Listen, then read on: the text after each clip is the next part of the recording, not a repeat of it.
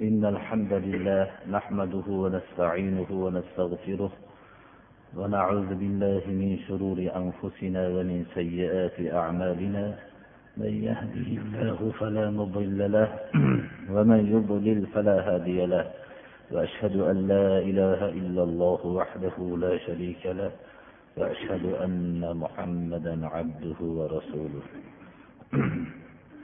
أما بعد السلام عليكم ورحمة الله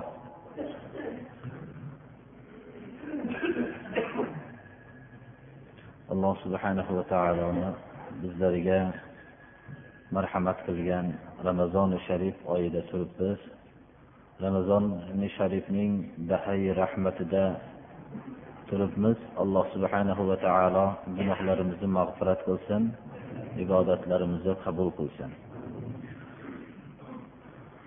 Juma kunidagi qur'oni karimdan davom etayotgan darsimiz suriy nisoning ma'lum bir oyatlariga kelib to'xtagan edi.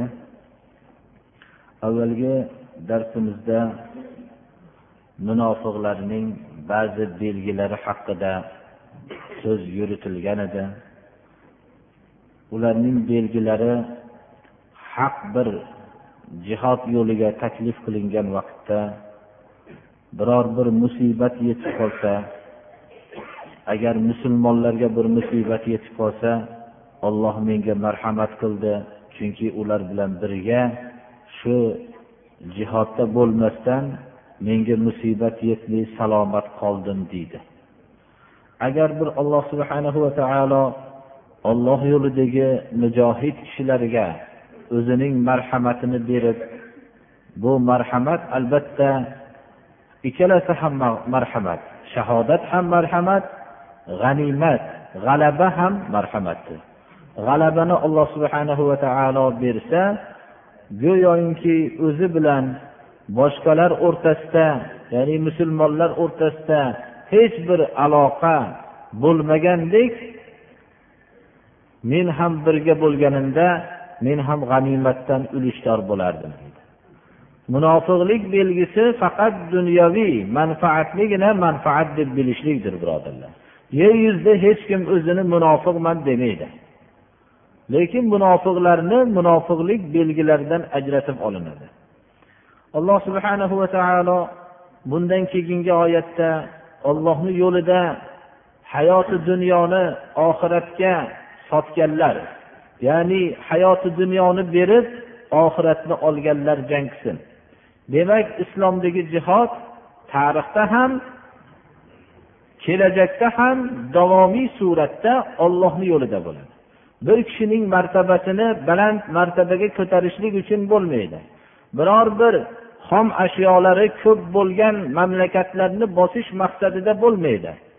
Yoyinki biror bir kishining harbiy unvonini oshirishlik maqsadida bo'lmaydi.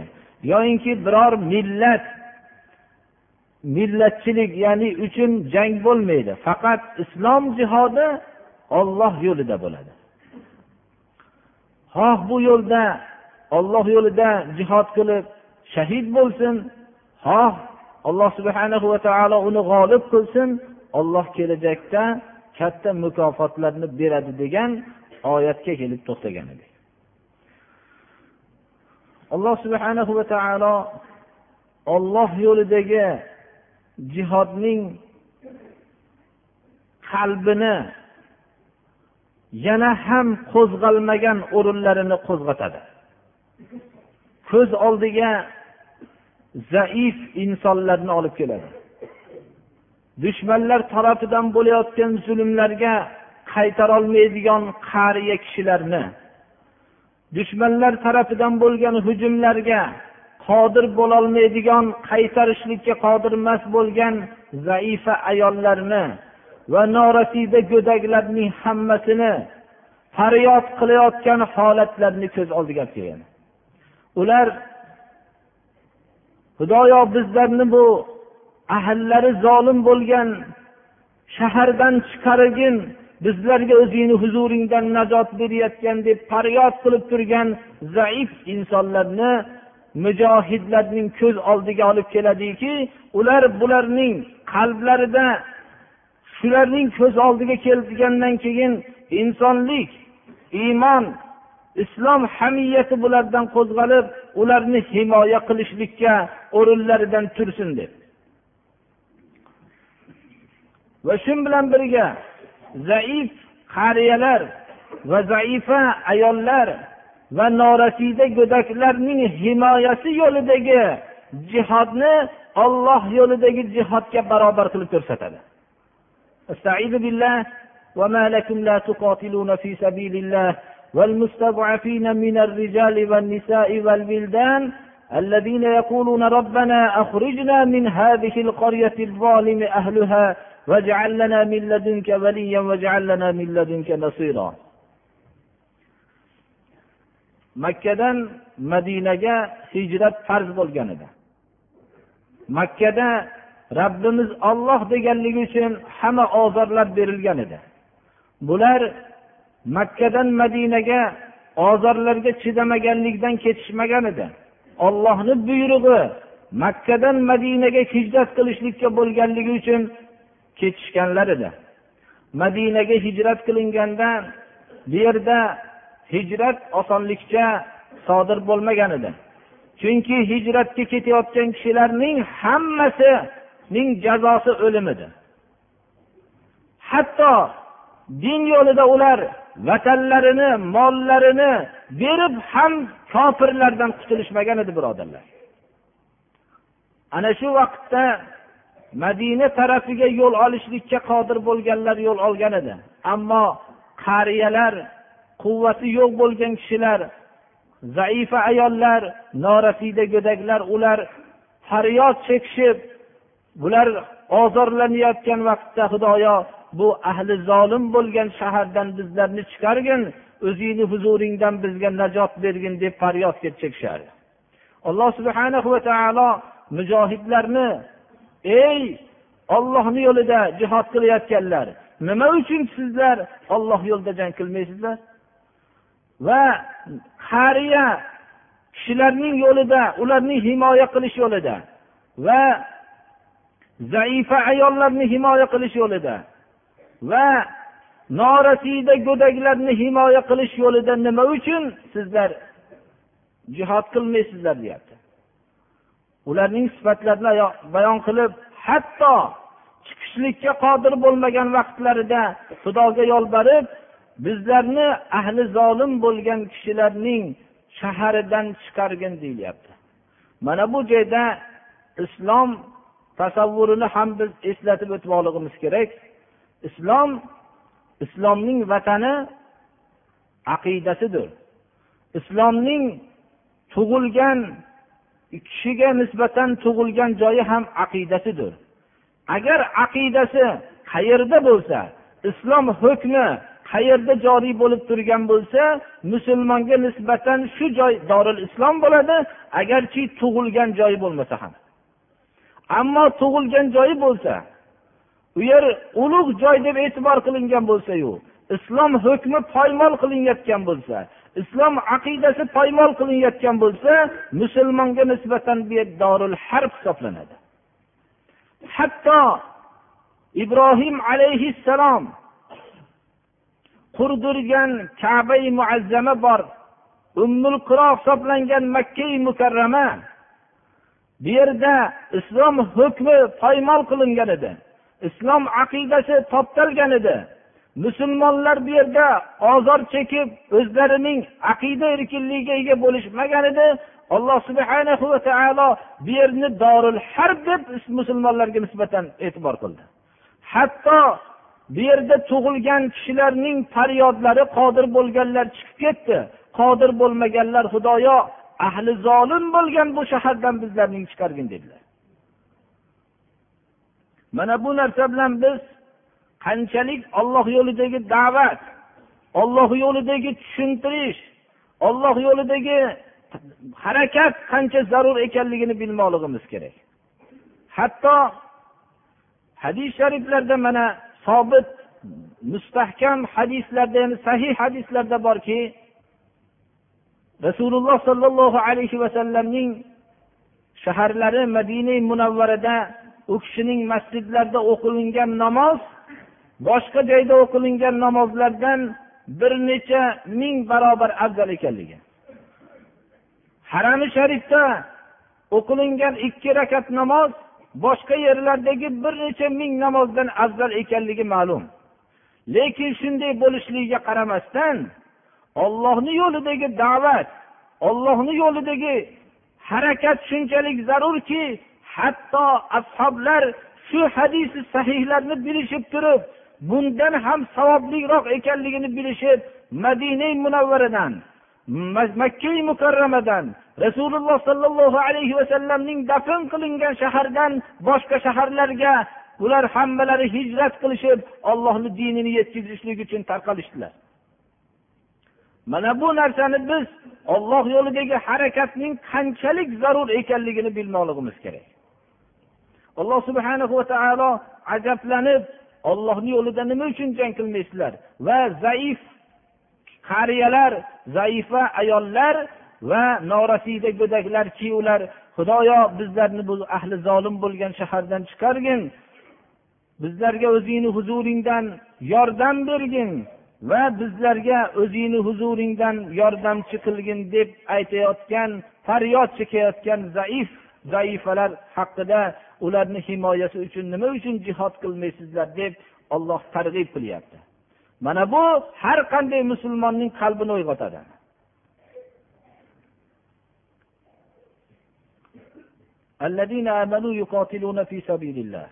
Iymon keltirgan kishilar ollohni yo'lida jang qilishadi. Ya'ni ular biror bir moli davlatni qo'lga keltirishlik uchun emas dunyodagi hamma janglarni agar taqqos qilsangiz johiliyat janglari.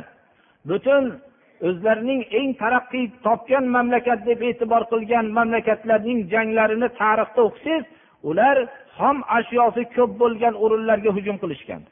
Xalqlarni o'zlariga qul qilish yo'lida jang qilishgan. Boshqa o'zlarining millatinigina oliy qilishlik uchun jang qilgan. Faqat o'zlarining jinslarini oliy qilishlik uchun jang qilishgan.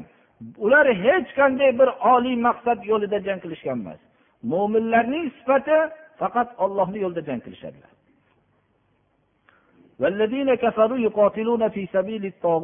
Kofirlar bo'lsa but yo'lida jang qilishadilar.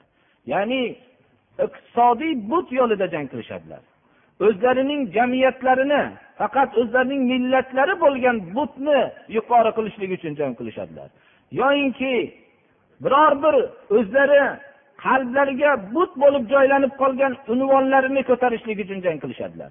Yoyinki biror bir boyliklari qalblarida but bo'lib shu boylikka sig'inishadilar. Ana shu butni rivojlantirishlik uchun boylikni ko'paytirishlik uchun jang qilishadilar.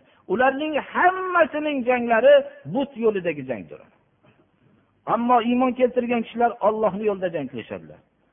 Kofirlar butni yo'lida jang qilishadilar. Shayton shaytonning do'stlari bilan jang qilinglarki ularning ko'ringan quvvatlarini bularning zohirdagi dabdabalaridan qo'rqmanglar shaytonning makri doim zaifdir. Alloh subhana va taolo bu oyatlarni nozil qilganda ashoblar buni hayotlarida tajriba qilishadilar badr jangida mo'minlar juda ozchilik edi qo'llarida hech qanday tayyorgarlik yo'q edi.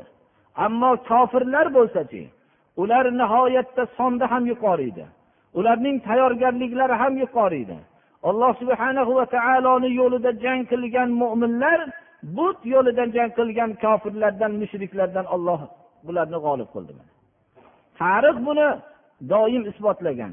Lekin olloh yo'lida harakat qiladigan mo'minlar topilmayotganligi uchun bu zafarni bu kalimalarni tushunishmaydilar.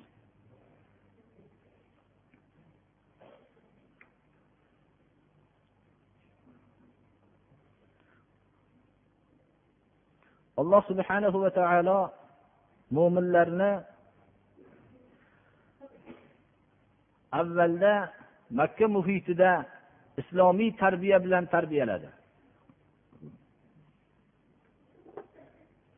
Ularning hamma harakatlari olloh yo'lida bo'lishligini har bir harakatlarida ollohnigina maqsad qilishligini iroda qilgan edi. Shuning uchun avval islomda jangdan qaytarilgan edi. Hatto og'ir bir chidab bo'lmaydigan suratlarda ham qaytarilgan edi. Ammor ibn yosir oilasi ota onalari azobning ta'sirida o'lib ketishdilar. Rasululloh sollallohu alayhi vasallam ularga yordam berolmadilar. Ey yosir xonadoni sabr qilinglar jannatda uchrashamiz deb bundan boshqa so'z aytolmadilar ba'zi islomni qabul qilgan ayollarni ko'zlarini o'yib olish darajasiga olindi. Hammalari ollohni yo'lida azob chekishardi ba'zi hamiyatli kishilar islomga kirganlaridan keyin bularga qarshi jang qilishlikka bel bog'lashganlarda qur'oni karimda oyat nozil bo'ldiki ألم تر إلى الذين قيل لهم كفوا أيديكم وأقيموا الصلاة وآتوا الزكاة فلما كتب عليهم القتال إذا فريق منهم يخشون الناس كخشية الله أو أشد خشية وقالوا ربنا لم كتبت علينا القتال لولا أخرتنا إلى أجل قريب قل متاع الدنيا قليل والآخرة خير لمن اتقى ولا تظلمون فتيلا.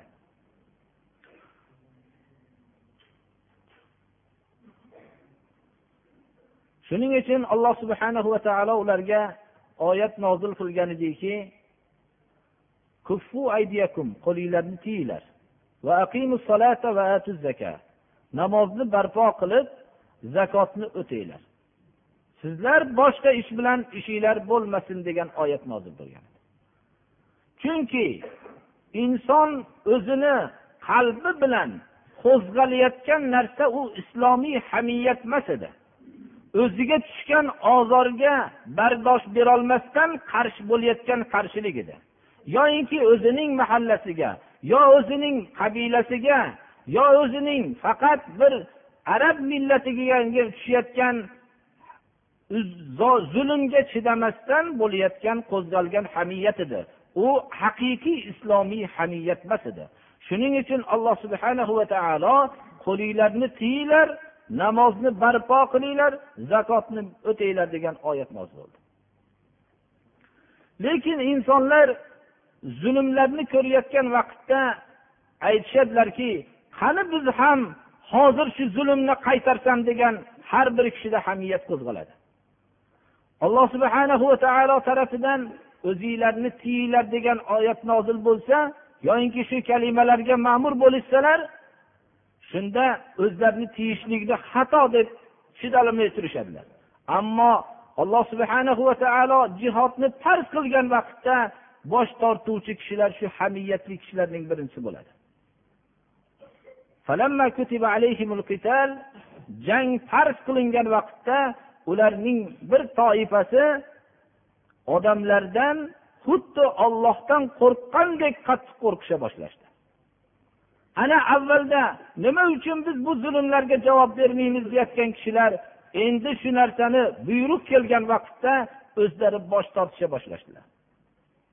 Yoyinki ollohdan qo'rqqandan ko'ra ham qattiqroq qo'rqishdilar.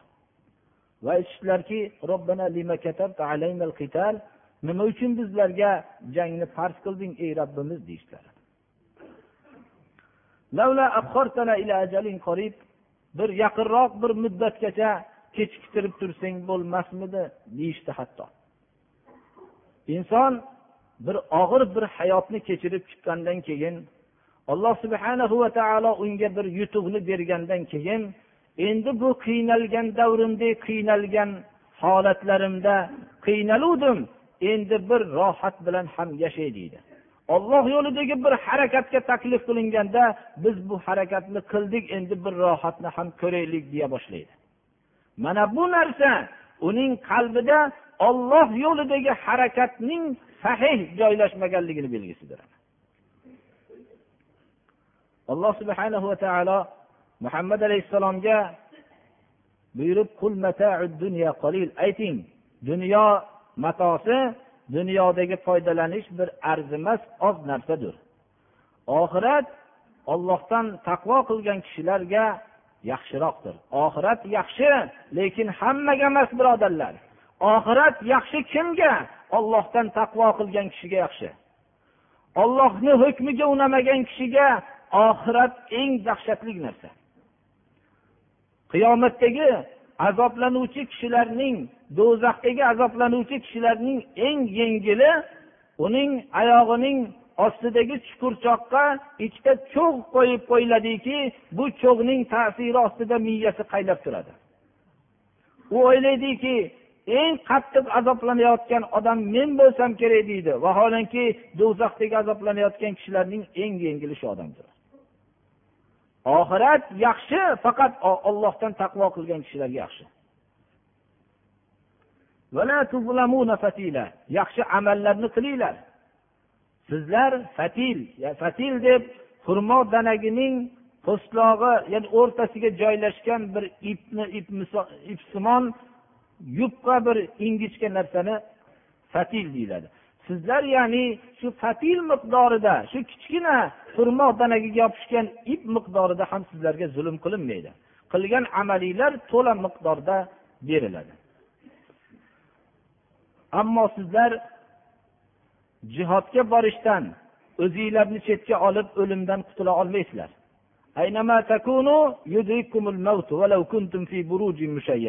Qayerda bo'lsanglar ham alloh subhanahu va taolo hukm qilgan o'lim sizlarni topadi.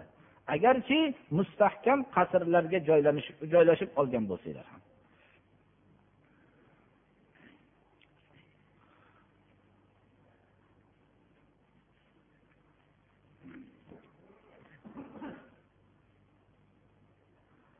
Mana bu rasululloh sollallohu alayhi vasallamning ergashgan ba'zi zotlarni alloh subhanahu va taolo komil inson qilib tarbiya qilish yo'lidagi nozil qilgan oyatlarning bir qismidir. Shu bilan birga ba'zi kishilar rasululloh sollallohu alayhi vasallamning yetakchiligiga har xil fitnalarni uyushtirishardi. Bu fitnalar har bir haq qiyomat yetakchilikda uyushtiriladigan qiyomatgacha bo'lgan bir fitnadir. Bu oyatni inson o'rganar ekan xuddi shu oyat hozir nozil bo'lgandek his qiladi.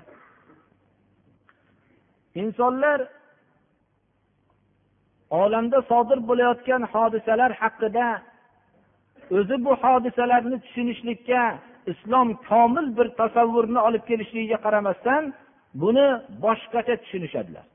Mana bu holatni bayon qilib alloh subhana va taolo quyidagi oyatni nozil qildiki billah وإن تصبهم حسنة يقولوا هذه من عند الله وإن تصبهم سيئة يقولوا هذه من عندك قل كل من عند الله فما لهؤلاء القوم لا يكادون يفقهون حديثا ما أصابك من حسنة فمن الله وما أصابك من سيئة فمن نفسك وأرسلناك للناس رسولا وكفى بالله شهيدا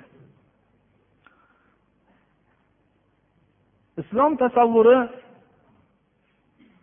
insonlarga yetayotgan yaxshilik olloh tarafdan insonlarga yetayotgan yomonlik bularning vujudga keltirish yaxshilikni vujudga keltirish yomonlikka vujudga keltirish olloh tarafidandir.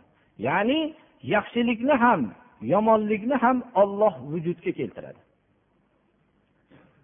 Olamdagi sodir bo'layotgan har bir narsani vujudga keltirayotgan zot yagona olloh subhanahu va taolodir. Inson buni o'zining hayotiy tajribasida ham bilishligi mumkin. Bir yaxshilikni qilaman deb inson o'zining kuch quvvatini sarf qiladi molini sarf qiladi vaqtini sarf qiladi yordamchilar ham topadi lekin shu yaxshilikni qila olmaydi. Ba'zi vaqtlarda bir yomonlikni vujudga keltirishlik uchun o'zini va yordamchilar ham oladi molini sarf qiladi vaqtini sarf qiladi lekin shu yomonlikni vujudga keltirolmaydi demak inson yaxshilikni qilaman va yomonlikni ham qilaman.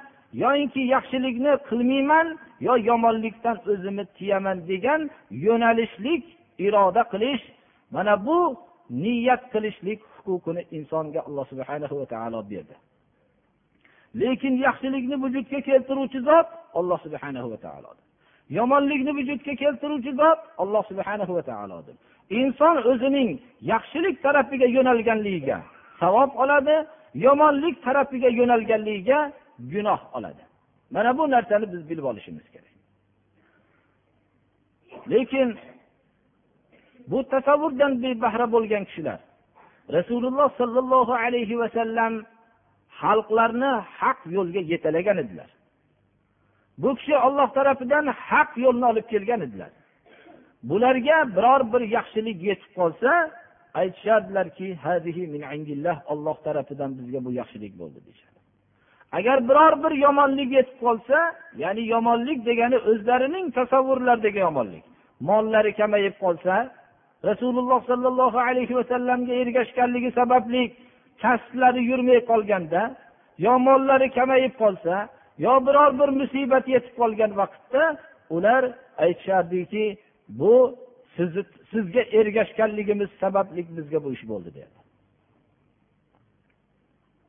mana bu narsani har bir mo'min bir tasavvur qilib olishi kerak. Biror bir yaxshilik bo'lib qolsa olloh menga yetkazdi deydi. Ba'zilar tasavvuri yo'qligidan bu mening zakovatim sababli bo'ldi deydi. Men buni mahoratim sababli bo'ldi deydi. Men bu narsada shunday mohir insonman deydi. Xuddi qorun ham shunday degan ediki bu boylik menga degan edi men o'zimni kimyogarlik ilmim bilan bu dunyoni topdim degan edi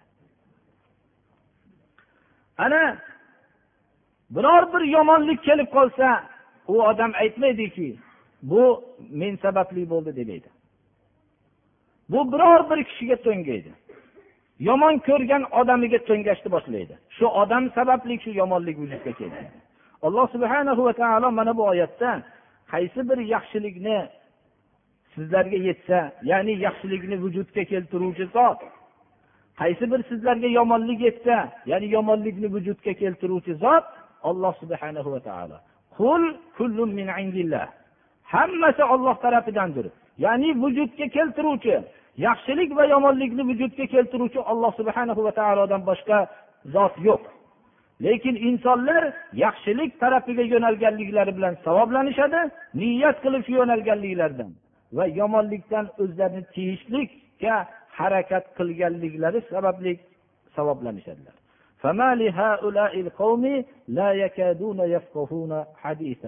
Bu odamlarga nima bo'ldiki? Gapni tushunishlikka ham yaqin bo'lishmaydilar. Faqih inson mana hadis shariflarda aytilganki bitta faqih odam shaytonga mingta ibodat qiluvchi kishidan kuchliroq deyilgan mana bu gapni to'g'ri hal qilolmagan odamni faqih deymiz. Agar shu gapni tushunmagan bo'lsa har qancha o'zini zakiy sanagan bo'lsa ham alloh subhana va taolo bir gapni tushunishlik emas balki tushunishlikka ham yaqin bo'lmayotgan insonlar deb atayapti. Ikkinchi oyat butunlay boshqa maydondagi mazmunni bildiradi.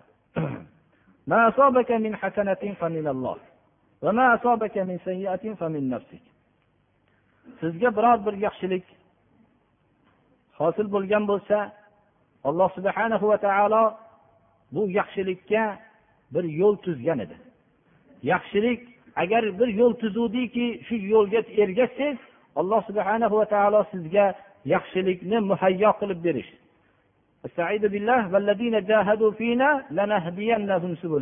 Bizni yo'limizda harakat qilgan kishilarni haqiqiy yo'limizga yo'llab qo'yamiz deyapti. Yaxshilik nima yomonlik nima alloh subhana va taolo manhaj bir yo'l tuzdi. Va insonni buni yaxshilik yomonlikni biladigan qilib qo'ydi.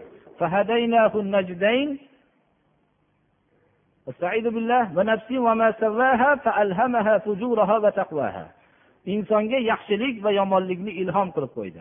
Inson yaxshilik qilayotganda buni yaxshilik deb turib qiladi yomonlik qilayotgan vaqtida yomonlik ekanligini biladi. Hatto dunyoda eng yomon ishlarni qilayotgan odamlar ham yomonligini bilganligiga dalil shuki u yomonligini oshkor qilmasdan bekitib qiladi. Balki kechalarda bekinib qiladi. O'g'rilik qilayotgan odamlar eng o'g'rilar o'g'rilikni yomonlik ekanligini boshqalardan yaxshi biladi. Ular shuning uchun ham maxfiy qilishadi. Fohisha ishlar bilan shug'ullanayotganlar buning yomon narsa ekanligini boshqalardan ko'ra yaxshiroq bilishadi. Ular o'zlarining past inson ekanligini yaxshiroq bilishadi. Alloh subhana va taolo insonning tabiatiga yaxshilikni yaxshilik deydigan qilib yomonlikni yomonlik deydigan qilib o'rnatib qo'ydi. Mana bu yo'lni tuzdi. Kim bu yo'lga ergashsa bunga alloh subhana va taolo yordam beradi yaxshilik vujudga keladi. Demak sizga yetgan yaxshilik allohning marhamatidandir. Olloh sizga shuning yaxshilik ekanligini ko'rsatib yo'lini tuzib shu yo'lga yursangiz yordam berganligidandir. Agar bir sizga yomonlik yetsa o'zingizni aybdor o'zingiz sabablikdir. Alloh subhana va taolo buni yomonligini sizga aytib qo'ydi. Siz buniga quloq solmasdan yomonlik yo'liga yursangiz alloh subhana va taologa majbur emaski sizni yomonlikdan qaytarishlik. Ana bu narsa demak inson yomonlikni boshiga yetgan vaqtda u narsa o'zidan deb bilmoqligi kerak. O'zi sababli shu yomonlik vujudga kelganligini his qilmoqligi kerak. Payg'ambar insonlarni yaxshilikka majbur qila oladigan quvvat yo'q payg'ambarda. Insonlarni yomonlikdan qaytara oladigan quvvat payg'ambarda yo'q. Biz sizni deyapti alloh subhana va taolo elchi qilib jo'natdik. Olloh bilan bandalar o'rtasida elchi qilib jo'natdik. Siz vazifangiz yetkazishlikdir. Olloh sizni risolat vazifasi bilan yetkazganligiga o'zi guvohlikka kifoya qiladi. Boshqalar sizni inkor qilishayotgan bo'lsa.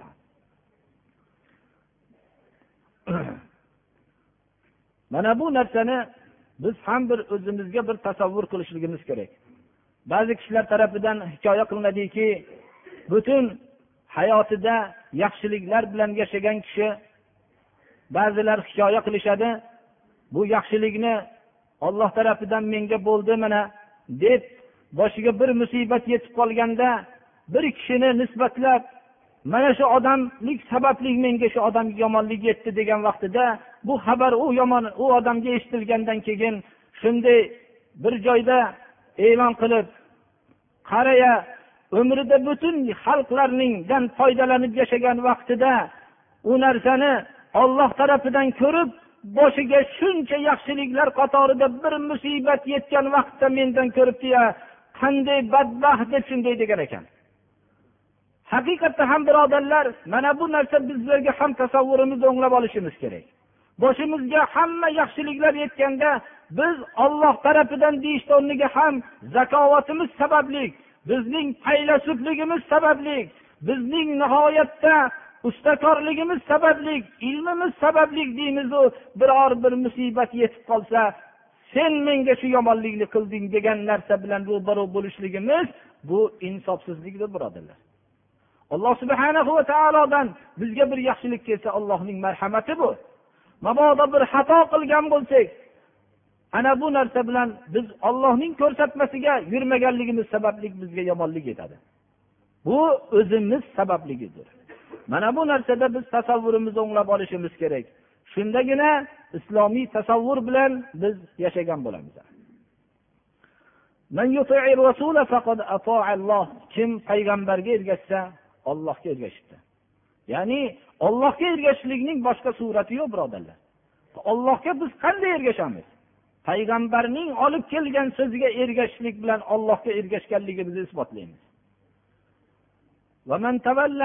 Kim sizga ergashishlikdan bosh tortsa biz sizni ularni o'zizga ergashtirishlikka majbur qiladigan qilib ularni xatodan tiyib oladigan qilib sizni jo'natganimiz yo'q deyapti alloh taolo. Mana bu narsadan ham biz o'zimizga xulosa chiqarib olaylik.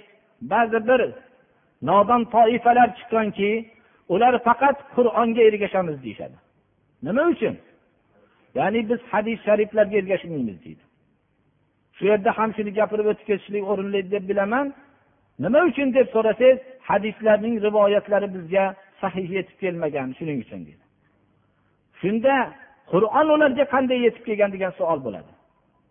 Qur'on ularga vahiy bo'lib tushdimi? Yo rasululloh sollallohu alayhi vasallam orqali yetib keldimi? Ularga qur'oni karim rivoyat bilan yetib keldi. Demak qur'oni karimni qabul qilgan kishi rasululloh sollallohu alayhi vasallamdan rivoyat qilingan sahih hadislarni qabul qilishlik. Biz payg'ambarga ergashishlik bilan allohga ergashishligimizni isbotlaymiz. Boshqa imkoniyat yo'qdir. Shuning uchun ham alloh subhana va taolo payg'ambarlarni o'zi bilan xalqlar o'rtasidagi vosita qildi.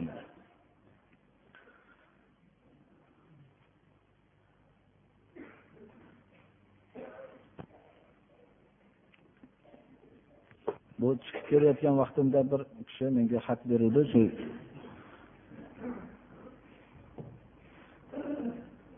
ya'ni bir taqinchoq haqida bir ayollar masala so'rashdilar ya'ni taqib yurgan taqinchog'iga zakot berilmaydi.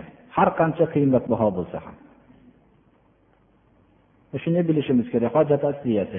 Lekin ba'zilar tarafidan agar nisobdan masalan oshiq bo'lib ketgan bo'lsa taqinchoqlari bu bir samaniyat bilan oshib turadi deb ba'zi fikrlarda taqinchoqqa ham zakot beriladi degan gap bor. Allohu alam biz masalan shu taqinchoq taqib yurgan taqinchog'i bo'lsa bunga nisobga yetsa ham zakot bermaydi deb e'tiqod qilamiz. Bu yerda zakot masalasi haqida yana bir ikkita savollar bo'libdi bu yerda shuni aytib qo'ymoqchimizki juda ham bir zakot masalasi ko'p so'ralyapti. Buni sababi zakotni beradigan joylarni nima qilishlik? Biz aytib o'tganmiz masjidlarga zakot berilmasin deb. Ya'ni masjidni binosi uchun sarf qilinmaydi zakotni. Zakot bayon qilingan yettita toifa bor. Billah إنما الصدقات للفقراء والمساكين والعاملين عليها والمؤلفة قلوبهم وفي الرقاب والغارمين وفي سبيل الله وابن السبيل سكتة يعني zakotlar beriladi kambag'allarga. Faqir deb ixtilofli bayon bilan aytamiz ba'zilar nisobga molik bo'lmagan kishilarni faqir deyiladi miskin deb bir kunga qodirmas bo'lgan kishilarni miskin deyiladi. Mana bu ikkita kishiga beriladi.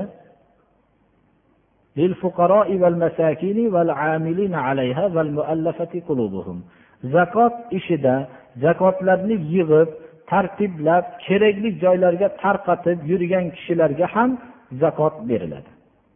Agarchi u davlatman bo'lsa ham chunki u maosh hisobida oladi shu zakotdan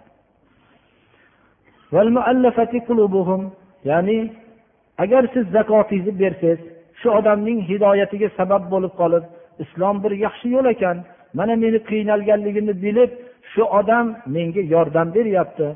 Shu yordam berayotganligi demak bu haq yo'l ekan deb shu hidoyatiga sabab bo'lib qoladigan bo'lsangiz agarchi ibodatda yo'q bo'lsa ham o'zi namoz o'qimasa ham dinda yo'q bo'lsa ham zakotini bersa bo'ladi. Yana ta'kidlab aytyapmiz iymonga kirib qolishligini umidi bo'lsa. Endi ba'zi kishilar iymonga kirib qolishligini umidimi yo boshqa shunga berib bir boshqa yo'llarni niyat qildimi bu o'zi bilan ollohni o'rtasidagi sir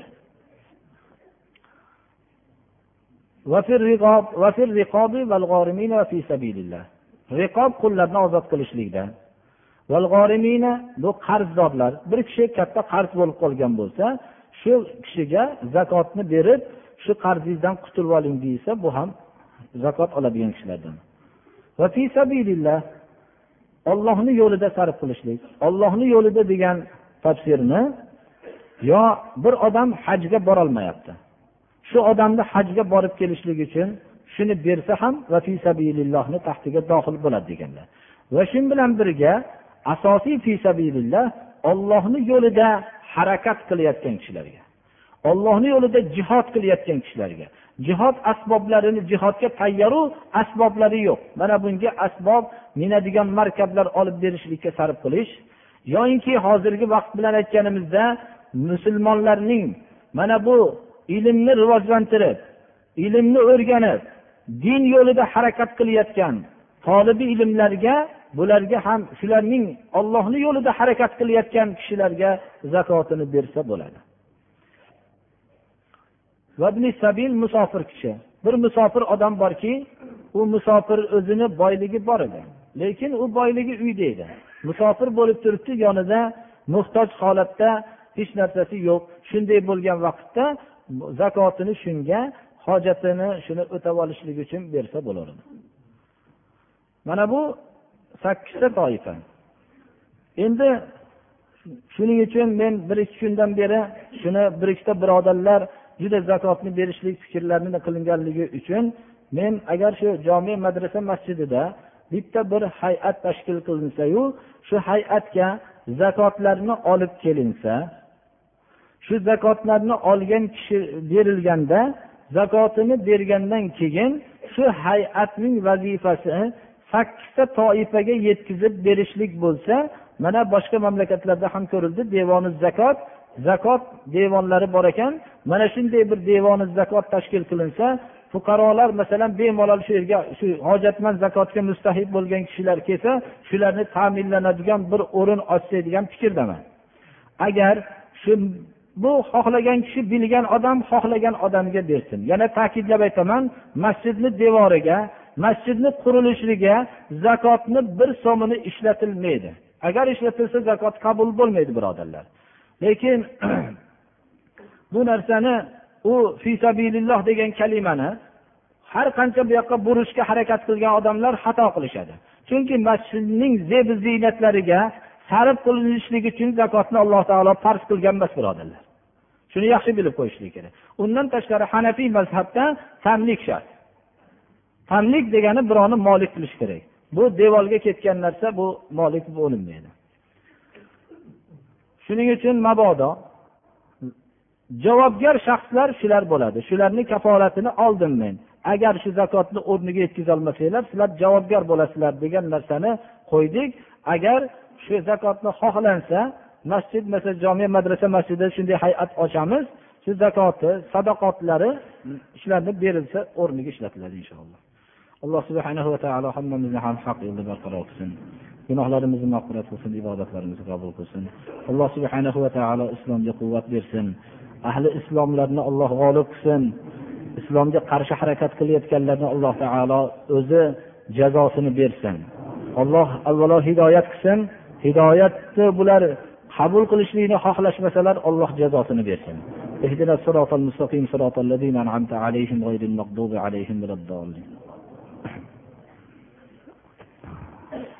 Alloh subhanahu va taoloning ramazon oyida bizlarga farz qilgan bu ro'za oyida toat ibodat qilishlikka ishtihod qilaylik va gunohlardan saqlanishlikka ishtihod qilaylik. Rasululloh sollallohu alayhi vasallam mana bu payg'ambarimiz sollallohu alayhi vasallamning aytgan so'zlarini abu hurayra roziyallohu anhu rivoyat qilib aytyaptilarki payg'ambarimiz sollallohu alayhi vasallam minbarga ko'tarildilar va omin kalimasini uch marta aytdilar. Shunda rasululloh sollallohu alayhi vasallamga savol qilindiki yo rasululloh siz minbarga ko'tarilib uch marta omin dedingiz. Buning sababi nima? deganlarida aytdilarki jabroil alayhissalom meni oldimga keldilar va aytdilarki xorobni o'ziga ramazon oyida hozir bo'lishlik nasib qilgan kishi keyin ramazon oyi chiqib ketibdida buning gunohlari kechirilmabdi. Shu odam nihoyatda xor inson bo'libdi dedilar. Ya'ni buni ma'nosi shuki ramazon oyida shunday yashab tirik bo'lib turib ro'zani tutmasdan bir oyni o'tkazgan kishi endi dunyodagi eng xorlarning xoridir. Agar shu ramazonda ro'za tutganda gunohlari kechirilardi degan ma'noni bildiradi. Ikkinchi omilning sababini aytdilarki bir kishi ota onasini topishlik bunga nasib qilgan bo'lsa yo bittalarini va ikkovlari buni jannatga kirgizmagan bo'lsa degan kalimani aytdilar. Ota ona insonni farzandini ham jannatga kirgizmaydimi degan kalima ya'ni agar ota onasini rozi qilolasa jannatga kirishlikka sabab bo'lardi bu amali degan. Uchinchi omilning sababini aytdilarki siz noming zikr qilingan vaqtda salovat aytmagan odam ham xarobdi dedilar rasululloh sollallohu alayhi vasallam ramazon oyida ishtihod qiladilar toat ibodat qilishlikka. Abdulloh ibn abbos roziyallohu anhu aytadilarki كان رسول الله صلى الله عليه وسلم أجود بالخير وأجود ما يكون في رمضان حين يلقاه جبريل عليه السلام فيدارسه القرآن فلا رسول الله صلى الله عليه وسلم أجود بالخير أجود بالخير من الريح المرسلة.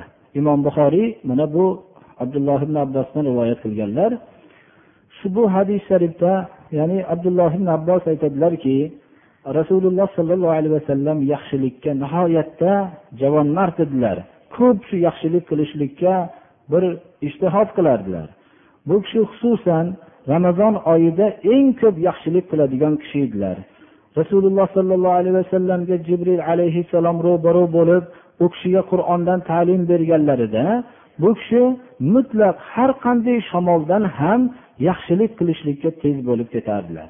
Yaxshilik qilish deganda birodarlar faqat o'zidagi moddiy boyliknigina birovlarga berishlik deb o'ylanib qolinmasin. Albatta bu ham yaxshilikni bittasi deb tushunmoqligimiz kerak. Yaxshilik ya'ni ollohni yo'lida dini islomni rivoji yo'lida ramazoni sharifda bir ishtihod qilishlik tarixga nazar qilinadigan bo'lsa aksar jihodlar olloh yo'lidagi eng og'ir jihodlar xususan mana tabuk g'azoti ramazon oyida bo'lganligini ham eslab o'taylikki bu ashoblar yaxshilik ma'nosini qanchalik tushunganligini ma'nosidir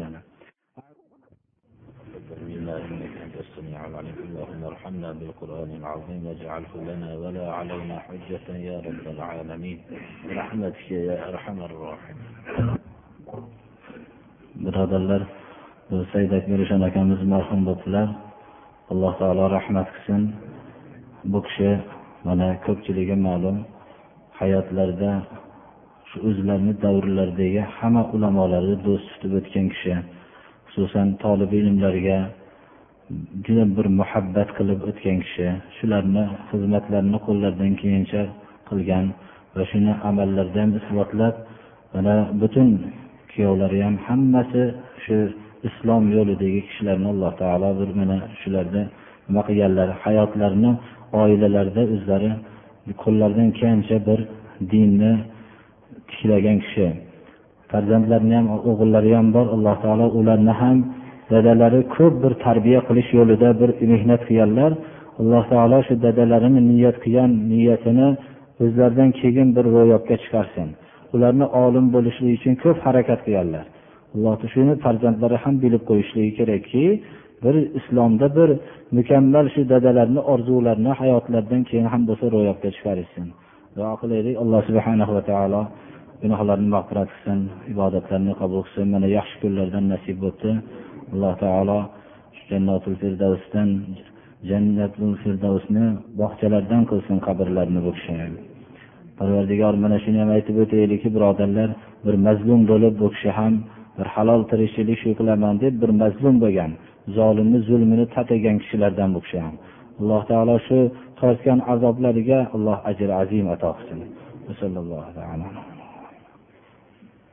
Bir kishini bir duo qilib berib alloh taolo ota onalarni alloh taolo tavfiq abadiy berib abadiy din islomda xizmat qilsin